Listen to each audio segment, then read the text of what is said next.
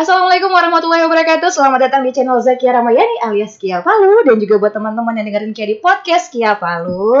Gimana kabarnya di hari ini? Semoga semuanya baik ya. Dan akhirnya setelah sekian lama podcast plus video ada juga dan sekarang Kia bukan di Palu. Atau saya ganti nama aja kayaknya ya. Kia Kodal ya. Sekarang Kia ada di Morowali Utara, tepatnya di Kolonodale dan Kia bersama anak muda kalau Dale yang sangat menginspirasi langsung saja ada Pak Rusel. Gimana kabarnya? Alhamdulillah baik Ibu Kia. Sebelumnya Kia pengen ucapin terima kasih banyak udah mau luangin waktu untuk ngobrol dan juga luangin tempat yang keren ini. Siap. Jadi kita di, di tempatnya Pak Rusel. Apa nih namanya nih? Fats Kitchen. Fast Kitchen. Udah berapa lama nih kalau nggak salah? Alhamdulillah sekarang sudah jalan 2 tahun. Dua tahun ya. Oke, dan apa aja sih yang ada di Fast Kitchen nih? Uh, Ini kita ada kopi, ya. Mhm, ada kopi, ada juga non kopi. Oke. Ada cemilan juga, cemilan tradisional juga kita jual itu cireng. Oke. Ah, itu cemilannya orang Sunda.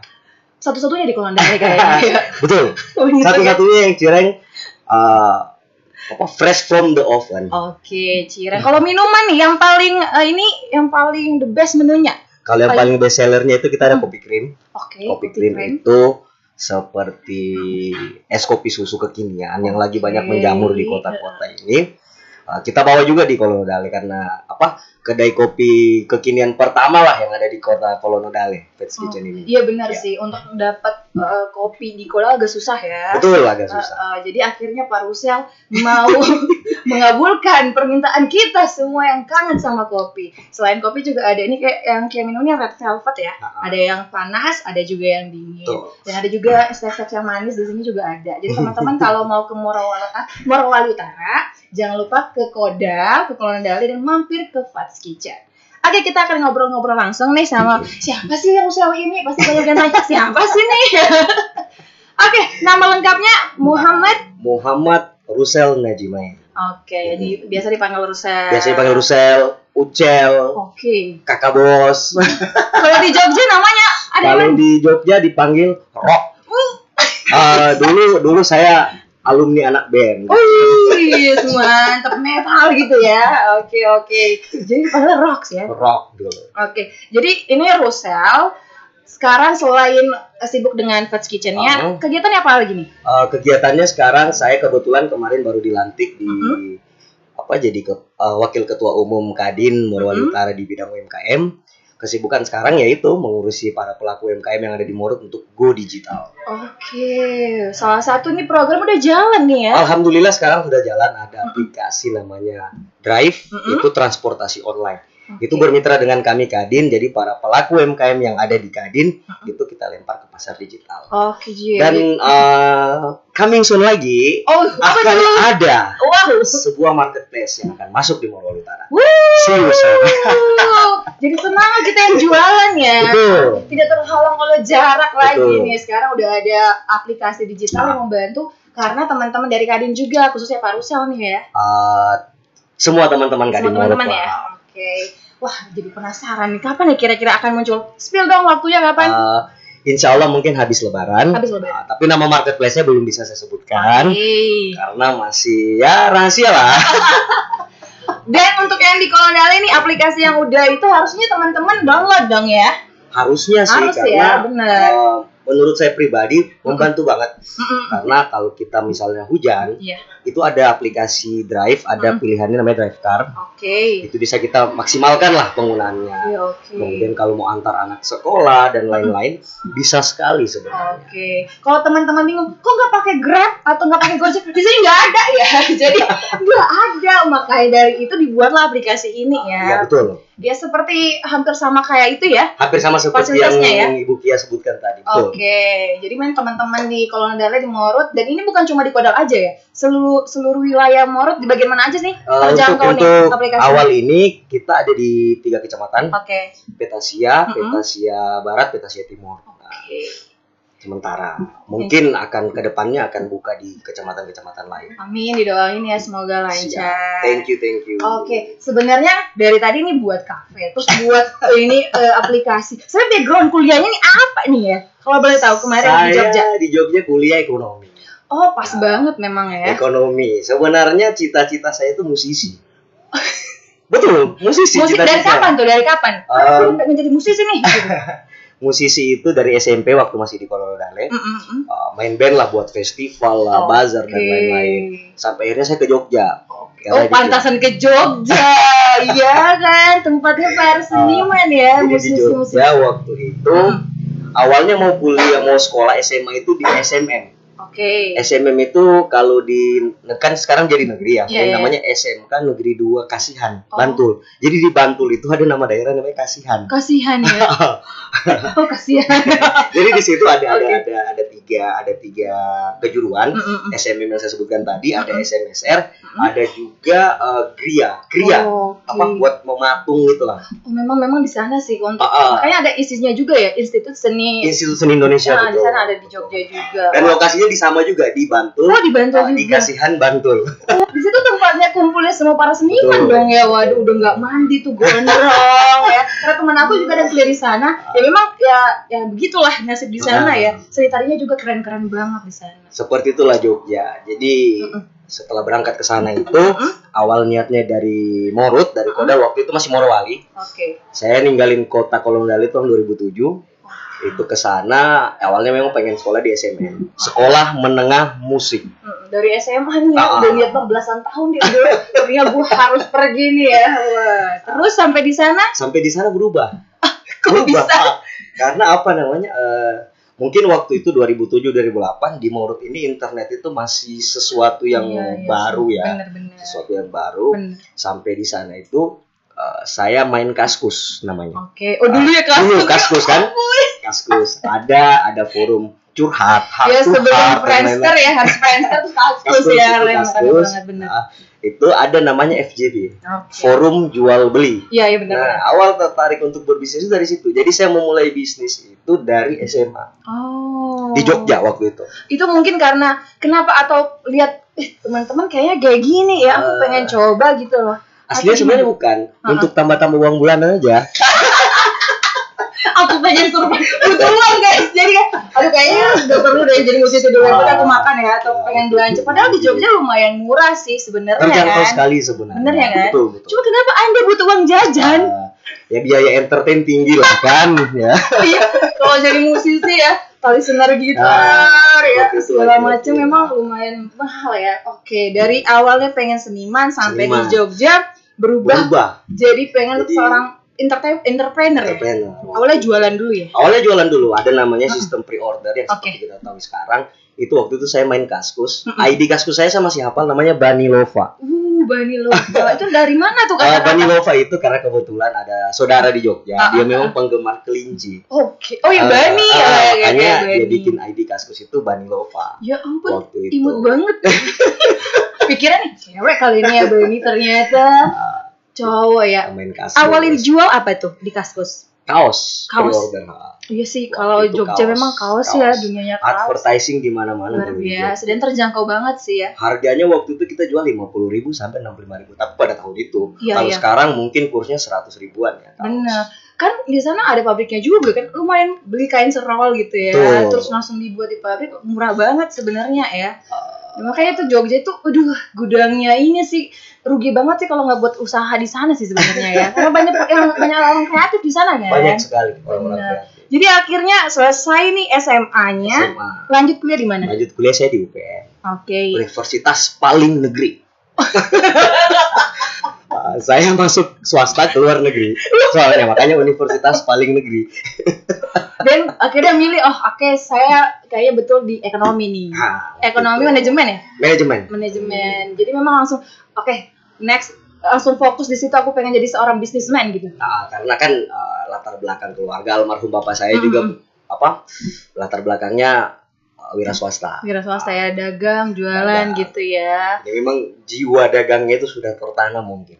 saya juga saya juga awalnya kayak gitu ya. Karena mungkin saat waktu kita jual dan dapat walaupun cuma seribu dua ribu kayak happy Ah, banget betul, ya. Betul. Wah, betul. uang fresh money nih Iya. walaupun gak seberapa tapi kalau lihat uang semangat lagi nih jualan kayak gitu ya. Walaupun tidak seberapa sih betul. betul. Tapi itu yang buat kita happy sih. Ya. Karena kayak hobi, kayaknya saya hobi mengumpulkan uang nih. Jadi awalnya itu masih juga main musik, Mm-mm. masih juga main musik.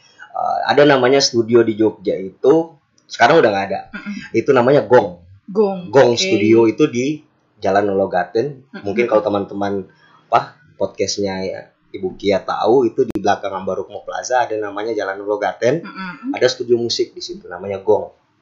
Nah di Gong itu setiap band-band yang punya member Mm-mm. itu latihan di situ itu dibuatkan semacam uh, bazar-bazar ini di tiap malam minggu namanya Gongers in Action. Wih, luar Nah, biasa. Saya waktu itu jadi musisinya yang main di Gongers in Action, Mm-mm. sambil jadi tukang parkir juga. Tukang parkir. Di mana ada kesempatan di situ ada Rusel ya. Wah, cuan banget ya. Anda ya setiap malam minggu. ya. Tiap malam minggu saya paling dapat sepuluh ribu, bagi-bagi sama teman-teman. Oke. Buat beli rokok lah. Oke, Waktu itu. tampil dapat kenalnya, dapat juga Dapat uangnya. juga uangnya. Karena memang kalau musisi kan awal-awal gak dapat seberapa ya. Nah, paling ya terima kasih sama hati-hati di Bener, jalan. lah. malah kita yang bayar untuk perform kan dulu Betul, dulu kan. betul. Kita perform yang Begitu. penting terlihat nih Yang gitu. penting, yang penting Tampil. tampil lah. Bener, udah ada kepuasan batin sebenarnya. Ah. Cuma dalam hati nggak dapat uang juga agak gimana No ya? problem, karena saya punya bisnis sampingan. Oh. Tukang parkir. Jualan kaos, lihat lahan parkir, tuh kayaknya bisa nih ya. Gas. berapa lama tuh? Dapat cuan berapa tuh? Eh lumayan lah waktu itu. Yang pasti pada itu kalau kita istilahkan namanya zaman jahiliyah. Gimana zaman jahiliyah itu? Ya namanya masih muda, Iya, masih merasa ah, gue masih kuat, masih Oh iya sih, gampang ya. Besok jadi, bisa ah, lagi nih besok ya. bisa dapat lagi. Iya, Habis bener. hari ini besok bisa dapat lagi. Sih Dan kalau ternyata hari ini Mm-mm. kalau saya tabung itu, Bener. aduh, saya menyesal juga sebenarnya. Tapi ya sudahlah. Tapi memang aku aja kayak gitu ya. Padahal dulu udah siaran dari SMA kayak Hmm. kalau dikumpul-kumpul kayak udah jadi berapa nih uang ya? Udah bisa naik haji. Karena kan tapi ya namanya dulu kita kan pengen have fun gitu ya. Habis Ah. dapat eh, pendapatan udah kita nongkrong di mana Siap, nih? betul. Beliin apa nih? Achievement sih Ya. untuk kayak self reward gitu loh. Self reward, betul. Akhirnya pas mau nikah, Ah. wah ternyata uangku cuma segini ya. Jadi kalau bahasa-bahasa orang kodam, kalau saya tahu dulu.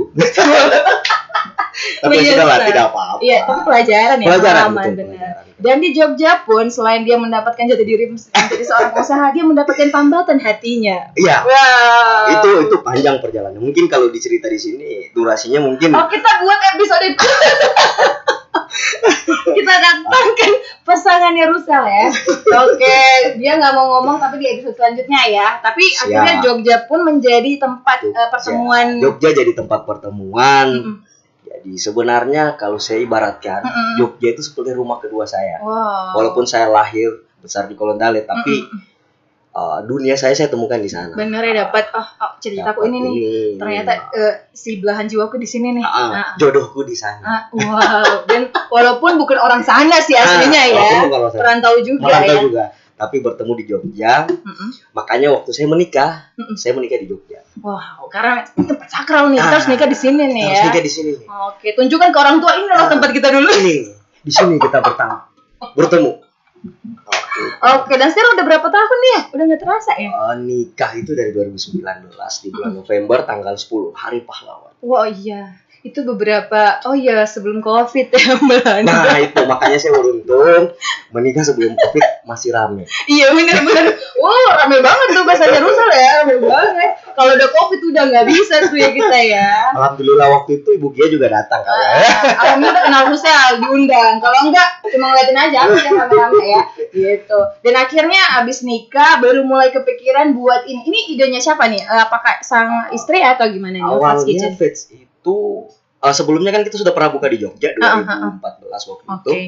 Nah, awalnya eh, berangkat dari gelisah sih sebenarnya. Karena apa namanya eh, di Kodal itu waktu itu belum ramai. Walaupun sudah ada di Tanggul Pelangi itu, walaupun mungkin belum terlalu ramai bagaimana. Karena memang saya sama istri itu pecinta kopi, Oke. kopi lovers dan sampai-sampai teman-teman waktu kita nikah itu dikasih apa? eh, coffee maker Oh, gitu. hadiahnya. Oh, oh. Saking kok perusahaannya cinta banget sama kopi ya. Kasih hadiah kopi maker. Kasih Wow. coffee maker sampai ah iseng-iseng ah buka lah gitu kan. Oke. Berawal dari situ sih kita coba jualan kopi lah di Morowali Utara ini. Oke, sebenarnya dari keresahan sendiri aku pengen butuh kopi tapi nggak ada yang kopi. jual. Uh, gitu ya. waktu itu sudah ada yang jual mungkin, cuma belum belum seperti sekarang, Oke, oke. belum seramai sekarang. Karena kan uh, apa namanya masalah rasa lah Oke ya. masalah rasa Masalah taste ya, beda-beda ya. Aku taste-nya kayak gini. Ah. Mungkin tempat lain nggak bukan bukan nggak enak sih, Ya, tapi mungkin semua enak semua enak yang ada di Morut ini Ah, semua enak. tergantung selera aja Selera. sih. Ternyata Pak Rusel punya, aduh kayak aku pengen yang selera kayak gitu, tapi Ah, belum ada nih. Akhirnya dibuat lah. awal dari situ sih. Fats Kitchen ini Oke. alhamdulillah orang tua support Mm-mm. uh, sampai memberikan space di toko Mm-mm. kasih space untuk kita jualan lah waktu itu. Berarti benar-benar dari Jogja jualan kaosnya udah stop nih waktu nikah. udah stop udah stop udah Ah, stop udah fokusnya ke mana nih waktu itu? Eh, apa fokus langsung aku nikah aku pengen buat usaha gimana? Eh, belum Oke. nyambi nyambi juga nyambi nyambi Oke. juga Masih nyari-nyari ya gitu Masih ya. nyari-nyari Saya ya. cari cari pasar gitu, cari market apa sih yang dibutuhin apa gitu. yang cocok Benar-benar. sebenarnya duplikasi apa Iya yang saya lihat di tanah rantau Mm-mm. itu ah suatu saat saya harus bawa ke kampung halaman saya Benar-benar. Walaupun agak sulit ya, walaupun karena memang kita ber- beradaptasi masyarakatnya mungkin merubah masih merubah kebiasaan Iya benar, merubah karena kebiasaan. mungkin kan beda lah ya tesnya orang di sini dengan yang di sana beda. Beda. Terus cara mungkin pembawaan jualannya juga kayak beda kayaknya beda, ya. beda, beda. Nah, jadi teman-teman kalau memang pengen jadi seorang entrepreneur, memang ya itu sih ujiannya ya. Ah, berdarah darah darah Iya. Kalau punya ide, berdarah darah lagi punya ide pasti wah gila nih ya, nggak mungkin gitu. Biasa kayak gitu ya. Nah ini pesan-pesannya nih buat teman-teman mungkin mahasiswa atau yang punya niat kayak aduh aku pengen buat usaha juga nih kayak karusel gitu. Apa yang aku harus lakukan? Kondisi masih kayak gini gitu, belum ada apa-apa gitu, masih kuliah. sebenarnya berani mulai aja sih Oke. kenapa saya bilang berani mulai karena Vets ini mungkin mungkin bagi yang orang yang kenal saya ah kamu enak karena ini ini ini. Ah kamu enak karena ini ini. Hello. Eh, Vets ini berawal dari amplop nikahan saya modalnya. Wow, berarti kita semua yang hadir adalah investor. Wah dari situ ternyata ya. Langsung muncul Wah. lagi idenya Pak Rusel ya. Lihat uang amplop ini Oh, kayak. cukup nih cukup nggak cukup gas Oke, ya benar. Jadi biasanya yang dihadapi teman-teman itu apalagi yang masih kuliah atau yang masih di supply sama orang tua benar-benar. itu biasanya di permodalan Iya, model di gitu. modal. Tapi sebenarnya itu salah kalau menurut saya karena hari ini banyak banget di luar sana itu yang menyediakan apa namanya eh, hibah, Benar. eh, dana modal berbentuk pinjaman mungkin ya. Tapi kan kalau kita tidak seperti itu, effort kita juga nggak ada dalam usaha. Benar-benar sih. Sekarang gampang sih ya. Sebenarnya jualan tanpa modal pun bisa online kan sekarang Bisa banyak. jadi reseller bisa. Benar. Tinggal di dropshipper juga nggak Bisa. nggak mesti nyetok barang juga kan gitu. Ya sekarang tinggal kamu mau atau enggak Kemauan. gitu ya. Betul, kemauan. Karena banyak juga teman-teman saya yang latar belakang keluarga mungkin lebih Heeh. lebih Mm. tapi memang benar-benar nggak mau Atau memang memang nggak ada hatinya, nggak ada Ah. passionnya kayaknya di situ ya. tidak ada niat Oke. Atau memang nggak nggak terlalu full karena biasa bisnis itu kalau setengah-setengah hasilnya juga setengah-setengah ya. Bener ya. harus total Harus total, harus berdarah-darah kata Pak Rusel. dan berdarah-darah terus Karena setiap tahun akan ada ujiannya kayak COVID, ujiannya lagi. nah itulah pintar-pintarnya kita untuk uh, apa kreasikan apa nih apa nih membaca pasar membaca Benar. peluang Bener. apa karena usaha itu berawal dari masalah kalau menurut saya Iya sih. Memecahkan masalah ya. berawal dari masalah kemudian bagaimana caranya kita memecahkan masalah itu Benar. tapi jangan juga orang sini bilang jangan juga kayak jili-jili Apa itu kayak gini-gini Ah, coba gini-gini. itu lihat si A jual ini ramai Kak jual Oke, si B ini latah ya. ya Bener-bener. Dulu Jangan kan zaman wartel, semua buat wartel. warnet Warnet buat warnet, warkop buat warkop gitu. Wah semua ya. bukan bukan bukan gak mau ada pesaing tidak pesaing itu sebenarnya bagus kalau Oke. menurut saya lebih banyak pesaing lebih bagus karena kita bisa introspeksi produk-produk. Benar-benar sih. Nah, gitu jadi kita tahu standar kita sekarang ada di mana pesaing kita di mana jadi sebenarnya teman-teman kalau mau buka usaha yang sama itu nggak usah takut usaha bisa ditiru rezeki yang tidak bisa ditiru Betul. Kalau memang ah, aku pengen buat kayak urusan buat aja Buat kan nggak aja, silakan. masalah. Rezeki kan Allah yang atur ya. Betul. Semua udah punya. Oke. Nextnya nih, ke depannya impiannya lagi untuk eh, usahanya bapak nih kira-kira apa lagi nih? Sekitar 5 sampai 10 tahun lagi. yang pasti apa pesan almarhum bapak saya itu Hmm. jadi bermanfaat Oke. Jadi kalau ditanya 5-10 tahun ke depan saya ingin lebih banyak berkarya untuk daerah saya. Lebih banyak memberikan sesuatu yang baik lah. Maksudnya dalam hal kemajuan apa-apa Hmm. ini itu walaupun mungkin tantangannya yaitu Bener. pasti ada yang suara sumbangnya ah, lu bisa nggak lu bisa nggak Biar aja nggak mereka supporter ya. nah, itu itu Semakin kalian berteriak, semakin saya semangat. itu tidak tidak menjadi suatu masalah Benar, sebenarnya benar. yang pasti kita harus banyak bermanfaat untuk orang banyak Oke. itu poin penting yang ditinggalkan almarhum bapak saya jadi kalau ibu Kia tanya 5-10 tahun ke depan impiannya seperti apa saya ingin memperbanyak karya saya untuk daerah saya Oke, jadi akan banyak hal baru ya. Oh, yang penting bisa bantu orang. Minta bantu orang itu kita senang Benar. tidak selamanya kita kasih uang dia senang belum tentu Belum, belum benar. Belum. biasanya dia cerita cerita kita kita kasih uang kita kasih uang Dia ada maunya. Oh. Ternyata memang ya. Kita iya biasa kita Manusia dari situ ya. Tiba-tiba ada aja kenapa bisa ke situ ya. Benar-benar. makanya saya bilang jadi lebih banyak untuk bermanfaat bagi orang banyak. Itu itu sesuatu yang baik. Karena satu saat kita dipanggil sama yang maha kuasa karya kita tetap tinggal. Benar-benar. Nah, manfaat yang sudah kita tabur itu akan ada dikenang wih i anu dulu di. Dia bikin begini ya seperti itulah kira-kira Jadi amal juga kita ya, Betul, jadi kita amal, ya nanti ya. Pokoknya kayaknya nanti nggak bisa dibilang banyak karena Pak Rusal ini akan lihat kondisi dulu apa nih ya kira-kira yang baru ya lagi ya. Dia tuh kayak tiba-tiba muncul di sesuatu ada masalah lagi nih ya. Biasa kayak gitu ya. Ah, jadi biasa itu kalau tiba-tiba ada ide Mm-mm. biasanya saya tulis Oh, ditulis Ah, semua ya. ditulis. walaupun mungkin sudah tidur kebangun tak mimpi saya tulis setelah saya tulis kemudian saya lihat alurnya kira-kira untuk dapat dapat mewujudkan ini ke mana dulu Oke. ke mana dulu sama seperti waktu pertama kali uh, drive kita mau bawa masuk di Morowali Utara. Mm-mm. jadi kita kembali lagi ya ke tadi Mm-mm. banyak sekali orang pesimis Iya sih karena melihat tiba-tiba dengar wah emang bisa. Di sini kan listriknya belum stabil, Nah, jaringan, jaringan, belum stabil gitu. Ditertawakan orang Oke. ditertawakan orang dan akhirnya orang yang tertawa itu mungkin juga sudah download dan sudah merasakan manfaatnya pakai juga ternyata ya. Nah, Oh, jadi Aduh. memang itu tipsnya Pak Rusal ya. Kalau udah mimpi udah punya dia ditulis biar jadi keinget dan dicari tahu cari tahu caranya alurnya gimana. ke mana alurnya Oke. ke mana Benar. jadi betul seperti yang ibu Kia bilang tadi memang kemauan saja Mm-mm. kemauan kalau kita sudah niat betul-betul niat untuk bantu orang mempermudah urusan orang insya Allah Tuhan akan kasih mudah urusan kita Bener sih bener itu Nah. yakin banget. Jadi teman-teman kalau punya sesuatu niatin udah dipikirin Allah tuh pasti bantu semesta itu kayak seakan-akan kayak mendukung semesta ya. mengamini kalau katanya anak senja Tapi itu bener banget. Pasti kita akan dipertemukan. Wah kayak itu satu misi nih, Ah. satu misi. Akhirnya kita nggak sadar ternyata Allah itu punya cara untuk bantu kita ya. Jadi teman-teman yakin aja pasti impiannya tercapai. Kalau Rusel bisa, kalian juga pasti bisa harus ya. lebih bisa dong Oke, thank you. Sama-sama, semoga usahanya makin Amin, sukses. terima kasih. Dan jangan bosan-bosan pinjamkan tempat ini buat kami. silakan feel free kapan saja silakan.